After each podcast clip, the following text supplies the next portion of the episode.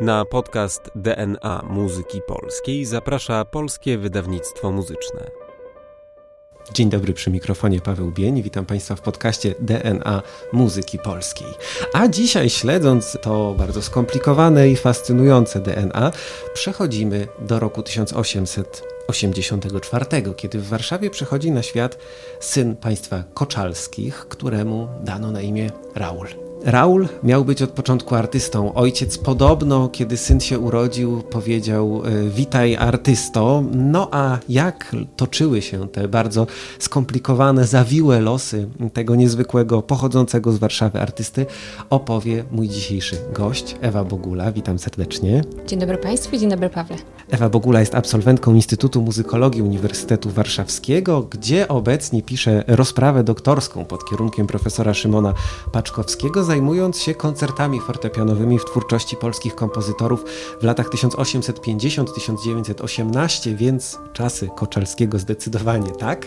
Co więcej, Ewa pracuje także w dziale do spraw nauki i wydawnictw w Narodowym Instytucie Fryderyka Chopina. No o Chopinie też dzisiaj trochę będzie, bo nie sposób uniknąć e, wątków chopinowskich mówiąc o e, Koczalskim. Ja może zacznę dość przewrotnie, bo zacznę od cytatu ze Stefana Kisielewskiego, który chyba za za Koczalskim nie przepadał, bo powiedział tak.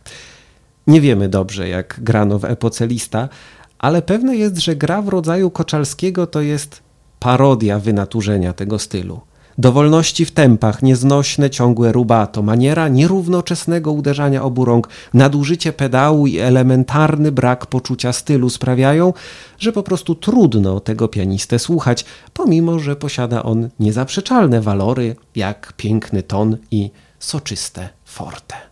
Czy pięknym tonem i soczystym forte można wszystko wybaczyć? Pewnie można bardzo wiele wybaczyć. Myślę, że siła Koczalskiego polegała właśnie na tym pięknym dźwięku, którym zachwycał publiczność, no i też na tym, że to jego wykonawstwo, tutaj porównane do Lista, co zaskakuje, biorąc pod uwagę, że wykonywał przede wszystkim i słynie z tego, że wykonywał przede wszystkim twórczość Chopina, e, cechowała się tym, że był takim bezpośrednim łącznikiem między uczniem, e, był uczniem ucznia e, Chopina, czyli Karla Mikulego, więc myślę, że to w tym kontekście to jego wykonawstwo i to, co próbował w nim przekazać, było takim właśnie bezpośrednim mm, łącznikiem wykonawstwa Chopinowskiego. To może zacznijmy w takim razie od początku. Jak to się stało, że Koczalski tak prędko zdobył sławę wielkiego wirtuoza, budzącego, jak słyszeliśmy, skrajne opinie, od wielkich peanów zachwytu, aż po te dość cierpkie słowa, takie jak e, pisał później już w wieku XX Stefan Kisielewski.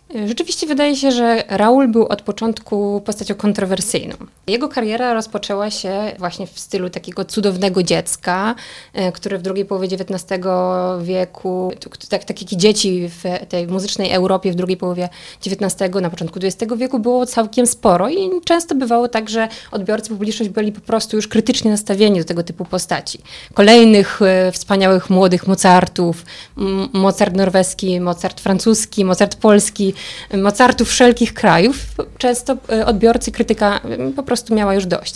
E, z Raulem było tak, że rzeczywiście rodzice od najmłodszych lat namaścili go do bycia artystą. To już sugerowało jego imię, które nadane zostało mu na cześć bohatera opery Hugenotów Meyerbeera i już jakby tym imieniem rodzice namaścili go do właśnie pozostania tym artystą, jak przypomniałeś w tym wstępnym e, cytacie, co ojciec miał wykrzyknąć po narodzeniu młodego Raulka. Instrument do ręki wkładano mu już w wieku dwóch, trzech lat. Próbowano najpierw ze skrzypcami, później rodzice właśnie rozpoczęli w wieku trzech lat edukację w zakresie właśnie fortepianu. No i szybko się okazało, że rzeczywiście Raul ma wrodzony talent, naturalną lekkość gry, wspaniały słuch, e, umiejętność podobno powtarzania z pamięci melodii, które grywała dla niego mama. No i te pierwsze lekcje pod kierunkiem Juliana Godowskiego w Warszawie, u którego rozpoczynał właśnie w wieku trzech lat edukację Koczalski, no przyniosły szybkie rezultaty i jego pierwsze występy właśnie 3-4-letniego Raula spotykały się z zachwytem publiczności. To nie dziwi oczywiście, kiedy malutkie 3-4-letnie dziecko wykonuje już bardzo e, skomplikowany repertuar, to, to rzeczywiście odbiorcy, krytyka w, w tych tych pierwszych koncertach, pierwszych występach Raula w Warszawie byli rzeczywiście zachwyceni, no więc rodzice za ciosem postanowili inwestować i dalej e, właśnie promować małego e, Raula w kierunku wielkiego wykonawcy, wielkiego pianisty, wielkiego szopenisty. Już w wieku 3-4 lat e, ruszali z nim w takie turne koncertowe po Europie, które, tak jak to było już od tych pierwszych lat do późniejszych, przynosiły różne opinie odbiorców. Od takich właśnie pełnych zachwytu nad talentem małego chłopca po, po głosy krytyki, niezadowolenia spowodowane tym, że dziecko wykonujące w młodym wieku bardzo skomplikowany często repertuar musiało iść na pewne skróty, na uproszczenia, na wręcz wypaczenia tej, tej skomplikowanej twórczości, których zwyczajnie mała rączka nie była w stanie bardzo precyzyjnie, bardzo dokładnie w zgodzie z partyturą i intencją kompozytora oddać. No nie mówiąc już oczywiście o całym emocjonalnym ciężarze pewnych kompozycji, które pewnie dla czterolatka są jeszcze niejednokrotnie abstrakcyjne. No ale rodzice idą za ciosem, jak powiedziałaś, i w ten sposób docierają do Petersburga, gdzie czeka na nich już jedna z gwiazd ówczesnej pianistyki, pedagogiki fortepianu, czyli Anton Rubinstein. No tak, ta pierwsza podróż koncertowa właśnie nie, nie miała być turnę koncertowym, chociaż takim się ostatecznie okazała, tylko miała być właśnie taką wyprawą edukacyjną, taką wręcz pielgrzymką do najwybitniejszego, zdaniem rodziców, e, wirtuoza fortepianu tamtych czasów, Antona Rubinsteina. Tak się rzeczywiście stało, chociaż ta wyprawa, zakończona zresztą sukcesem, bo Rubinstein miał pochwalić talent młodego Raula i miał e, dopingować rodziców do dalszego rozwoju chłopca e, właśnie w tym kierunku, w kierunku gry fortepianowej, a w późniejszym okresie, w kolejnym spotkaniu miał też pochwalić twórczość kompozytorską Koczelskiego, bo oprócz tego, że był pianistą, był też mały Raulek już e, autorem pierwszych własnych kompozycji. No, od, tego, od tej właśnie pierwszej wyprawy do Petersburga te podróże Raula i jego rodziców przerodziły się właśnie w takie turne koncertowe, w których Raul występował, tak podróżował od miasta do miasta, występował bardzo intensywnie, tych koncertów dawał bardzo, bardzo wiele i to, co było później krytykowane, to właśnie to, że też przynosiły one dochód w wysokości tysięcy rubli, z czego korzystali ponoć możemy się łatwo domyślić rodzice. Chociaż pewnie małemu wirtuozowi też coś skapnęło z tego, takie przynajmniej miejmy nadzieję. Ale wspomniałaś o pierwszych kompozycjach i to jest temat bardzo ciekawy, bo pojawia się taka informacja o tym, że te najwcześniejsze kompozycje Koczalskiego zostały przez niego spalone jako rzekomo jakieś wstydliwe juwenilia. No więc jak to było naprawdę? Czy te kompozycje naprawdę istniały, czy jest to tylko kolejna legenda, którą chciano ubarwić tę postać Raula Koczalskiego? Tego oczywiście dzisiaj na pewno nie możemy stwierdzić, ale zastanawiający jest fakt, że wśród pierwszych młodzieńczych kompozycji Koczelskiego były właśnie um, utworki um, o nie nie kolejnych numerach opusowych. Zachowały się do naszych czasów tylko, zachowało się do naszych czasów tylko sześć kompozycji, no i one noszą takie numery opusowe. Opus 6, opus 18, aż tam opus 41, 42, to są takie wczesne mazurki, walce, nokturny. No to były takie właśnie pierwsze, drobniutkie utwory na fortepian solo. I one pojawiają się, powtarzają się w wielu różnych e, recenzjach prasowych, czy wzmiankach prasowych dotyczących właśnie działalności koncertowej Koczalskiego. No i dziwne jest trochę to, że zachowało zachowało się z tych 40 ponad utworów właśnie tylko, tylko kilka. Mm, no i tutaj autor monografii e, Koczalskiego, Stanisław Dybowski, wysnuwa taką tezę, że może to był, to był rodzaj takiego chwytu marketingowego rodziców, którzy nadawali nie kolejne numery opusowe tym kompozycjom, tym pierwszym kompozycjom Koczalskiego, które były też dystrybuowane, sprzedawane w trakcie jego koncertów. Możemy się domyślać, że taki, taki dodatkowy aspekt marketingowy mógł jeszcze bardziej podsycać te emocje towarzyszące koncertom, nie tylko wybitnym wybitny, wyjątkowy pianista, ale też właśnie kompozytor, tak jak wspomnieliśmy, ten kolejny Mozart Europy, no to to się pięknie wpisywało w tą właśnie całą muzyczną tradycję Europy, więc być może rzeczywiście był to rodzaj zabiegu marketingowego rodziców, a wcale tych kompozycji nie było aż tak wiele, a może było dokładnie tak, jak, jak, podaje, jak podawał później sam Koczalski, po prostu te pierwsze kompozycje dziś niezachowane sam zniszczył. Czyli ta opera napisana w wieku 8 lat potencjalnie mogła istnieć i być zniszczoną przez samego kompozytora. Opera, opera chyba nigdy nie została skomponowana, więc opera rzeczywiście, ist, e, rzeczywiście była tylko zamysłem i chyba sam Koczalski przyznawał, że z tej opery powstał wstęp, a późniejsza kompozycja nigdy nie powstała.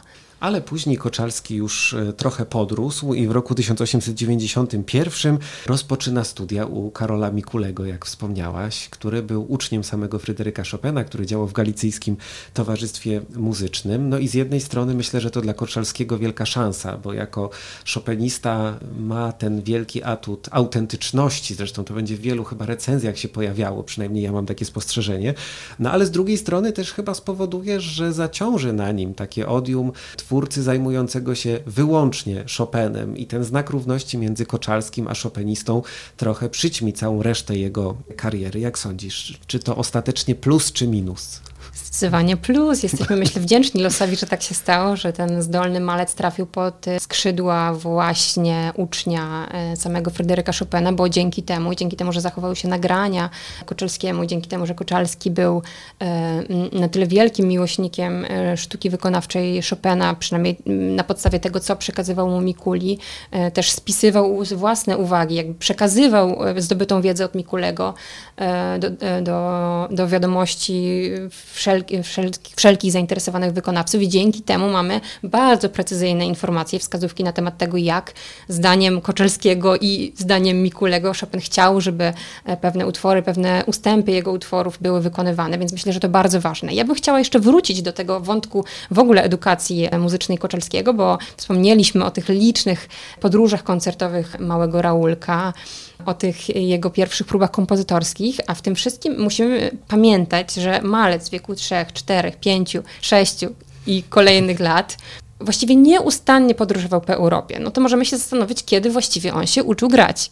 No i właśnie to był, to był jeden z głównych zarzutów, jakie rodzicom stawiała krytyka, ówczesna krytyka i odbiorcy sztuki wykonawczej Koczalskiego, że stał się malec takim trochę mm, pajacem, kukiełką cyrkową, która była wykorzystywana do tych właśnie sztuk akrobatycznych, a nie było takiego czasu na taką spokojną edukację i rozwój małego chłopca. I rzeczywiście od tej edukacji u e, ucznia samego Stanisława Moniuszki e, Gadomskiego w Warszawie, Koczalski nie miał takiego stałego opiekuna, pedagoga, pod okiem którego mógłby się kształcić, aż właśnie do momentu, kiedy trafił do Lwowa na krótki czas pod e, kierunek Ludwika Marka, który był uczniem Lista, więc to jest też ciekawe, że był Koczalski tym pianistą, który łączył te tutaj dwie tradycje.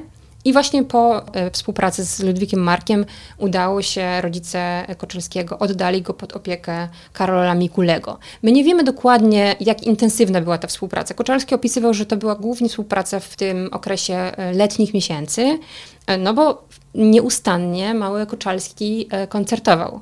Byłoby ciekawe wiedzieć, jaka była opinia samego Mikulego na temat tych nieustających, intensywnych podróży koncertowych, e, miast właśnie takiego spokojnego rozwoju małego chłopca. Więc nie wiemy dokładnie, jak te lekcje wyglądały, ale sam Koczalski opisywał później, że były one bardzo intensywne, że wymagały od niego właśnie bardzo silnej, wzmożonej pracy.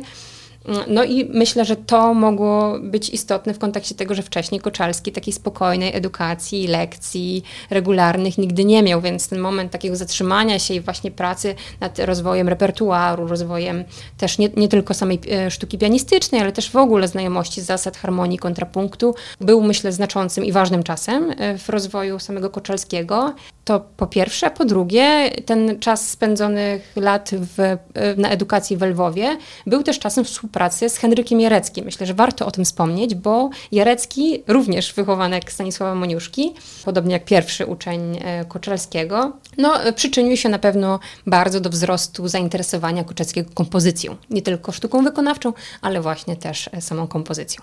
I za chwilę do kompozycji przejdziemy, ale mówiąc jeszcze o tej intensywności życia koncertowego, ja tutaj wynotowałem sobie fakt, który mnie zupełnie zdumiał, bo wyczytałem, że Koczalski jako 14-letni chłopiec świętuje w Lipsku swój tysięczny koncert.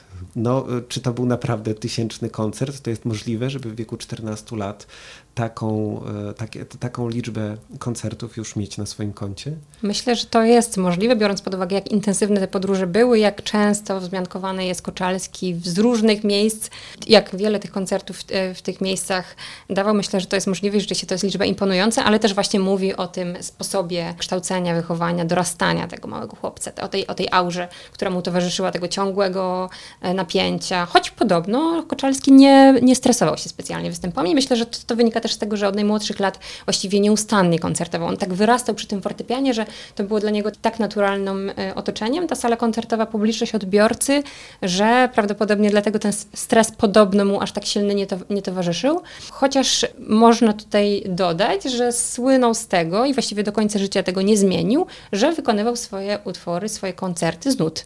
Zawsze nuty e, były na pulpicie, sam bronił się, że to jest rodzaj właśnie ukojenia nerwów, takiego spokoju, a nie przecież e, korzystanie z tej partytury w czasie, w czasie rzeczywistego wykonania utworu, ale, ale jest to ciekawa, mm, ciekawy dodatek do, do właśnie tego sposobu prowadzenia życia koncertowego od samego Koczelskiego. No bardzo ciekawy, tym bardziej, że przecież zdarzało się, że nie do końca był tak zgodny z literą tekstu muzycznego i że pojawiały się tam pewne osobiste dodatki. A no właśnie, no ale to myślę, że to znak czasów, że kompozycja kompozytor i wykonawca w jednym to właśnie tym się charakteryzowało, że te, ten rodzaj takiego jakby imp do improwizowania tego e, wykonywanego utworu muzycznego był po prostu takim elementem stałym. No to bardzo performatywne w ogóle.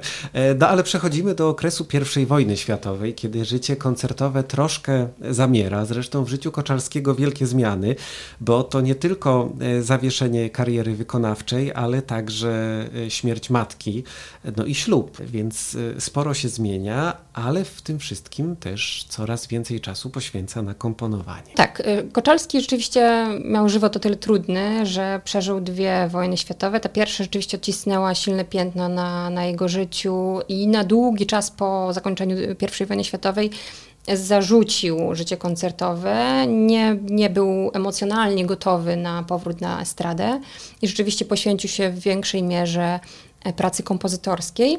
Chociaż ten okres właśnie po I wojnie światowej i, i, późniejszy, to był właśnie okres intensywnego powrotu do wykonawstwa Chopina, do Chopina. Ta miłość do Chopina w tym okresie chyba jeszcze wzrasta, jeśli już nie była wystarczająco wysoka wcześniej, bo tak jak wspomniałeś, ten okres pracy pod kierunkiem Mikulego y, był takim właśnie momentem zaszczepienia silnej miłości do Chopina, u Koczalskiego i Koczalski zresztą bardzo szczegółowo opisywał te lekcje u Mikulego, w których mówił właśnie, że to przywiązanie Mikulego do Chopina było mu przekazywane w tak żywy, intensywny sposób, że on, on sam czuł się z tym Chopinem później e, silnie związany.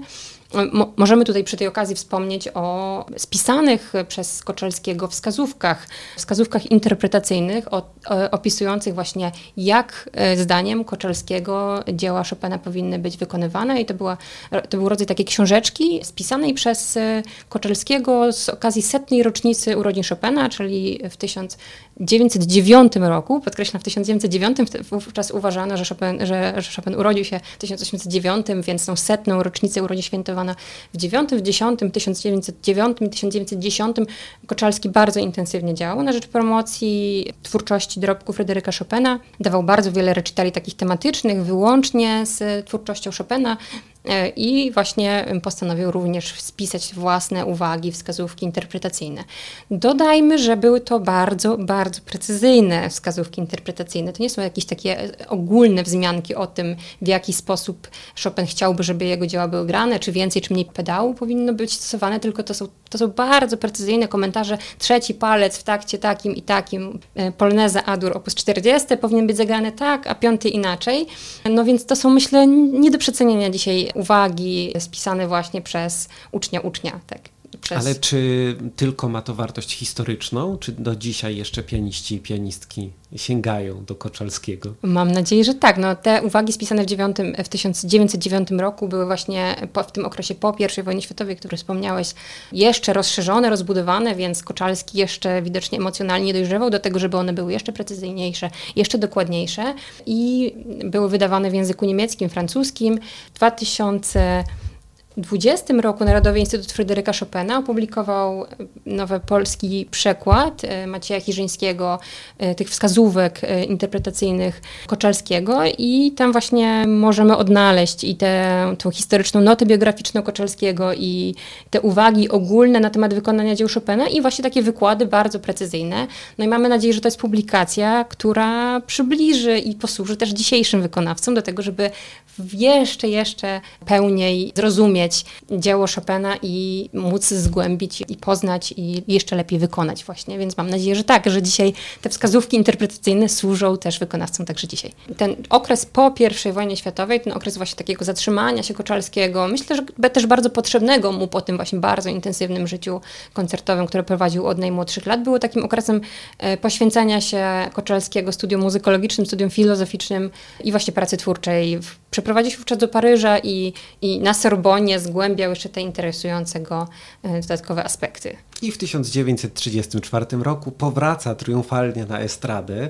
Powraca w momencie, kiedy mam wrażenie już troszkę inna estetyka wykonawcza e, się rodzi. Dlatego też o ile Anton Rubinstein e, z taką aprobatą odnosił się do wykonawstwa Koczalskiego, to już na przykład Artur Rubinstein będzie zdecydowanie bardziej krytyczny.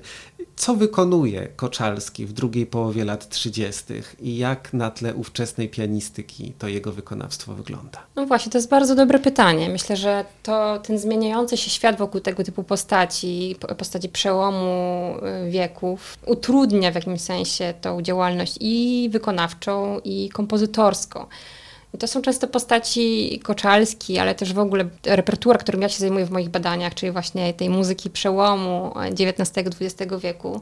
Często trafia właśnie na to pole, kiedy język, bardzo szybko, intensywnie zmieniający się język muzyczny, język wykonawczy, zmieniający się też instrumentarium, sale koncertowe, obyczaje. Ten, ten świat stawia nowe wyzwania przed y, i wykonawcami, i kompozytorami, a często jest tak, że oni świadomie pozostają w tej estetyce XIX-wiecznej jako właśnie kompozytorzy. Myślę, że do, do tego nurtu właśnie te, tego późnego romantyzmu zalicza się Koczalski. Może to nie jest tak, że on nie byłby w stanie, nie był zainteresowany tym nowym językiem muzycznym, tylko po prostu świadomie pozostawiał w interesującej go e, muzyce neoromantycznej i jako wykonawca, i jako, jako kompozytor. I druga wojna światowa niestety zbliża się nieuchronnie, zastaje Koczalskiego w Śmiełowie, w majątku Józefa i Marii Chełkowskich. Koczalski decyduje się na ucieczkę i ucieka do Berlina, co zresztą sprawi, że po wojnie narosną wokół tego pobytu e, kontrowersje, które utrudnią powojenną karierę e, Koczalskiemu. Co będzie mu zarzucane? Rzeczywiście ten okres przed II wojną światową to był okres wzmożonej działalności pianistycznej Koczelskiego w Berlinie i, i, i, wielka popularność e, kompozytora i wykonawcy na tamtych terenach spowodowała, że postanowił tam w swoim mieszkaniu berlińskim spędzić ten okres e, zawieruchy II wojny światowej. Po zakończeniu e, II wojny światowej Koczalski wraca do Poznania. Obejmuje tam stanowisko profesora w, w Państwowej Szkole Muzycznej w Poznaniu. No i rozpoczyna działalność wykonawczą, działalność koncertową, na nowo powraca do, do nagrań y, zarzuconych i przerwanych prze, przez II wojnę światową nagrań dzieł wszystkich Chopina. Miał taką ambicję, miał taki plan y, dokonania właśnie i wykonania nagrań chopinowskich. Ale oczywiście te sugestie, które pojawiają się w środowisku, liczne głosy krytyki spowodowane tym, tym właśnie, że ten okres zawieruchy e, II wojny światowej spędził w Berlinie, były bardzo liczne i powodowały, że głosów krytycznych skierowanych Koczylskiego pojawiło się w tym okresie bardzo dużo. On początkowo próbował i walczył z tymi opiniami, które pojawiały się i w prasie, i wśród e, jego przeciwników.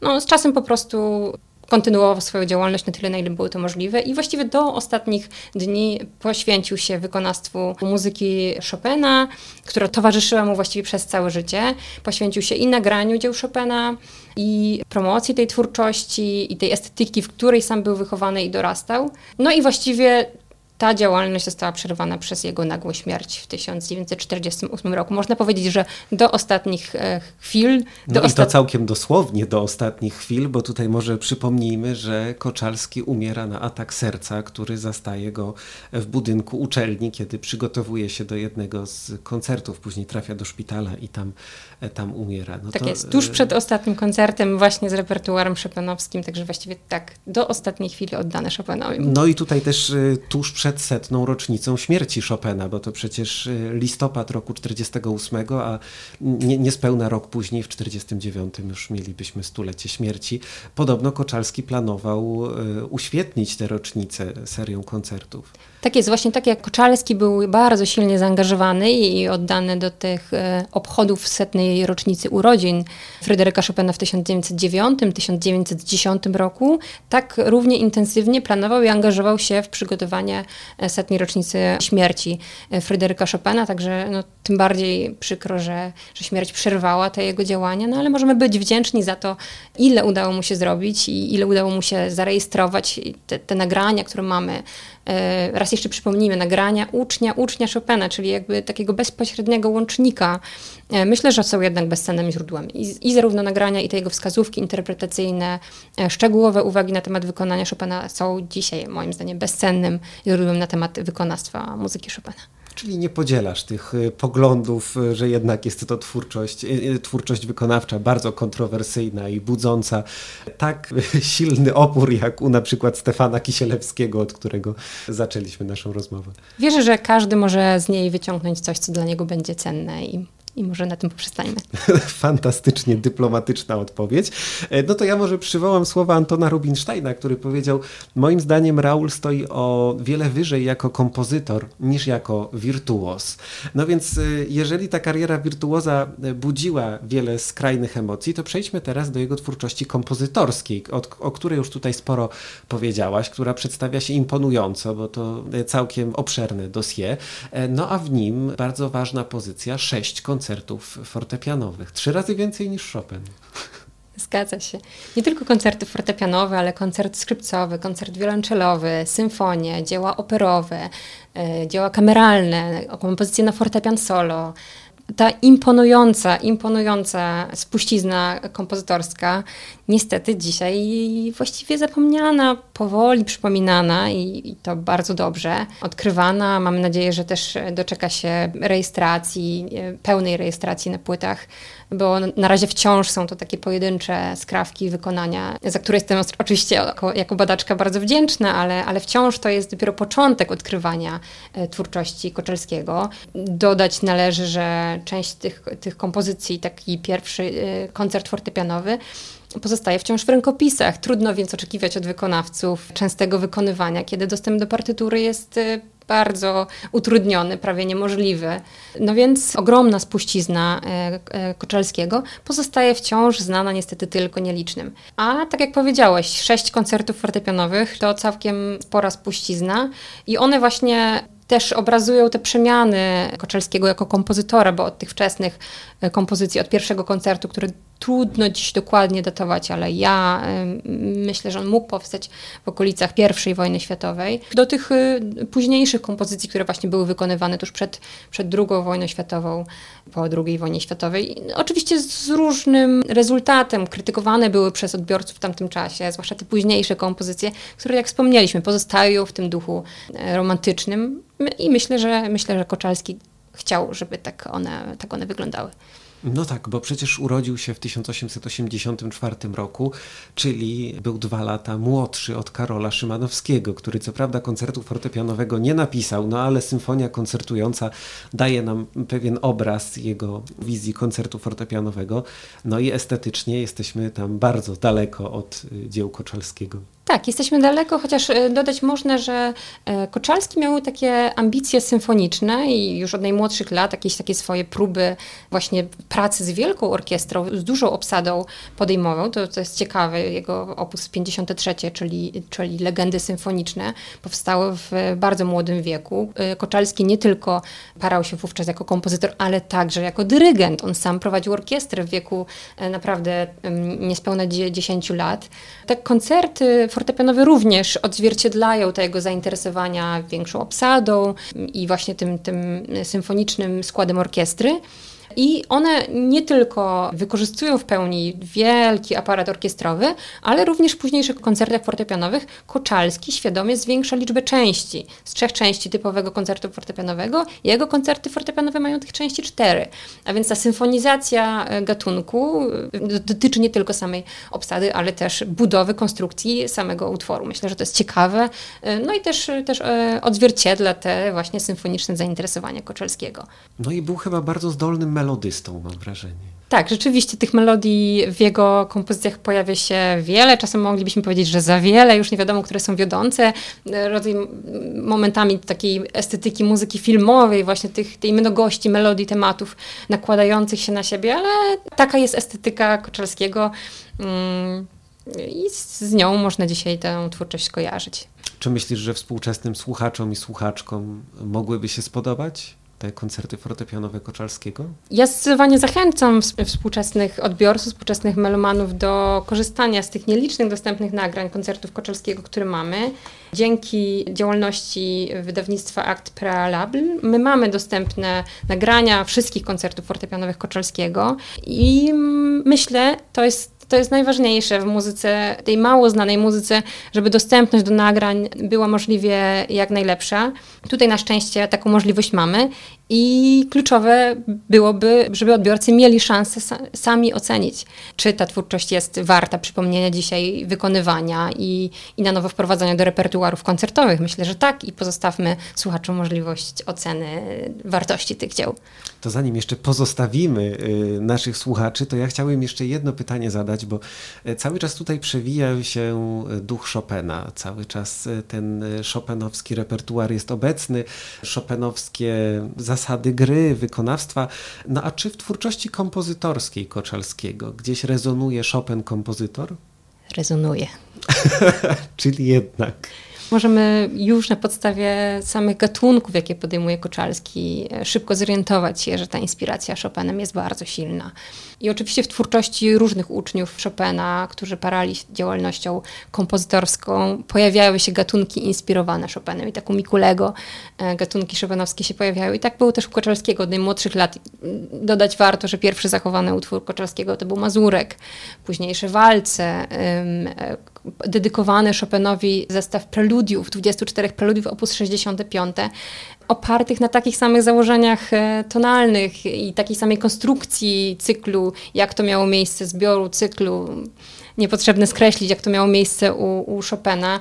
Myślę, że te inspiracje były tak silne i to piętno, w cudzysłowie to piętno chopinowskie tej twórczości jest tak duże, że i w zakresie melodyki, rytmiki polskiej, i w zakresie samych gatunków możemy te inspiracje znaleźć. Czyli kojarząc Koczalskiego z Chopinem, wcale nie popełniamy jakiegoś e, błędu zbytniego uproszczenia, bo jednak ten Chopin tutaj nie tylko w warstwie wykonawczej, ale i kompozytorskiej jest obecny. Przygotowując się do naszej dzisiejszej rozmowy, zajrzałem na jeden z moich ulubionych portali, na stronę Biblioteki Narodowej, gdzie zdigitalizowanych jest mnóstwo afiszy koncertowych z nazwiskiem Koczalskiego i byłem zupełnie zdumiony tym, jak zobaczyłem tak zwielokrotnione to nazwisko na kolejnych afiszach powstających przez dekady, więc miejmy nadzieję, że to nazwisko na afisze wróci. A za tę pracę wskrzeszania Koczalskiego serdecznie dziękuję mojemu dzisiejszemu gościowi, Ewie Boguli, doktorantce Instytutu Muzykologii, która zajmuje się badawczo koncertami fortepianowymi w twórczości kompozytorów polskich drugiej połowy wieku XIX aż do roku 1918. Serdecznie dziękuję za tę rozmowę. Bardzo dziękuję za zaproszenie, dziękuję za rozmowę. Wydawcą podcastu DNA Muzyki Polskiej jest Polskie Wydawnictwo Muzyczne. Zapraszamy na kolejne odcinki oraz do śledzenia naszych mediów społecznościowych.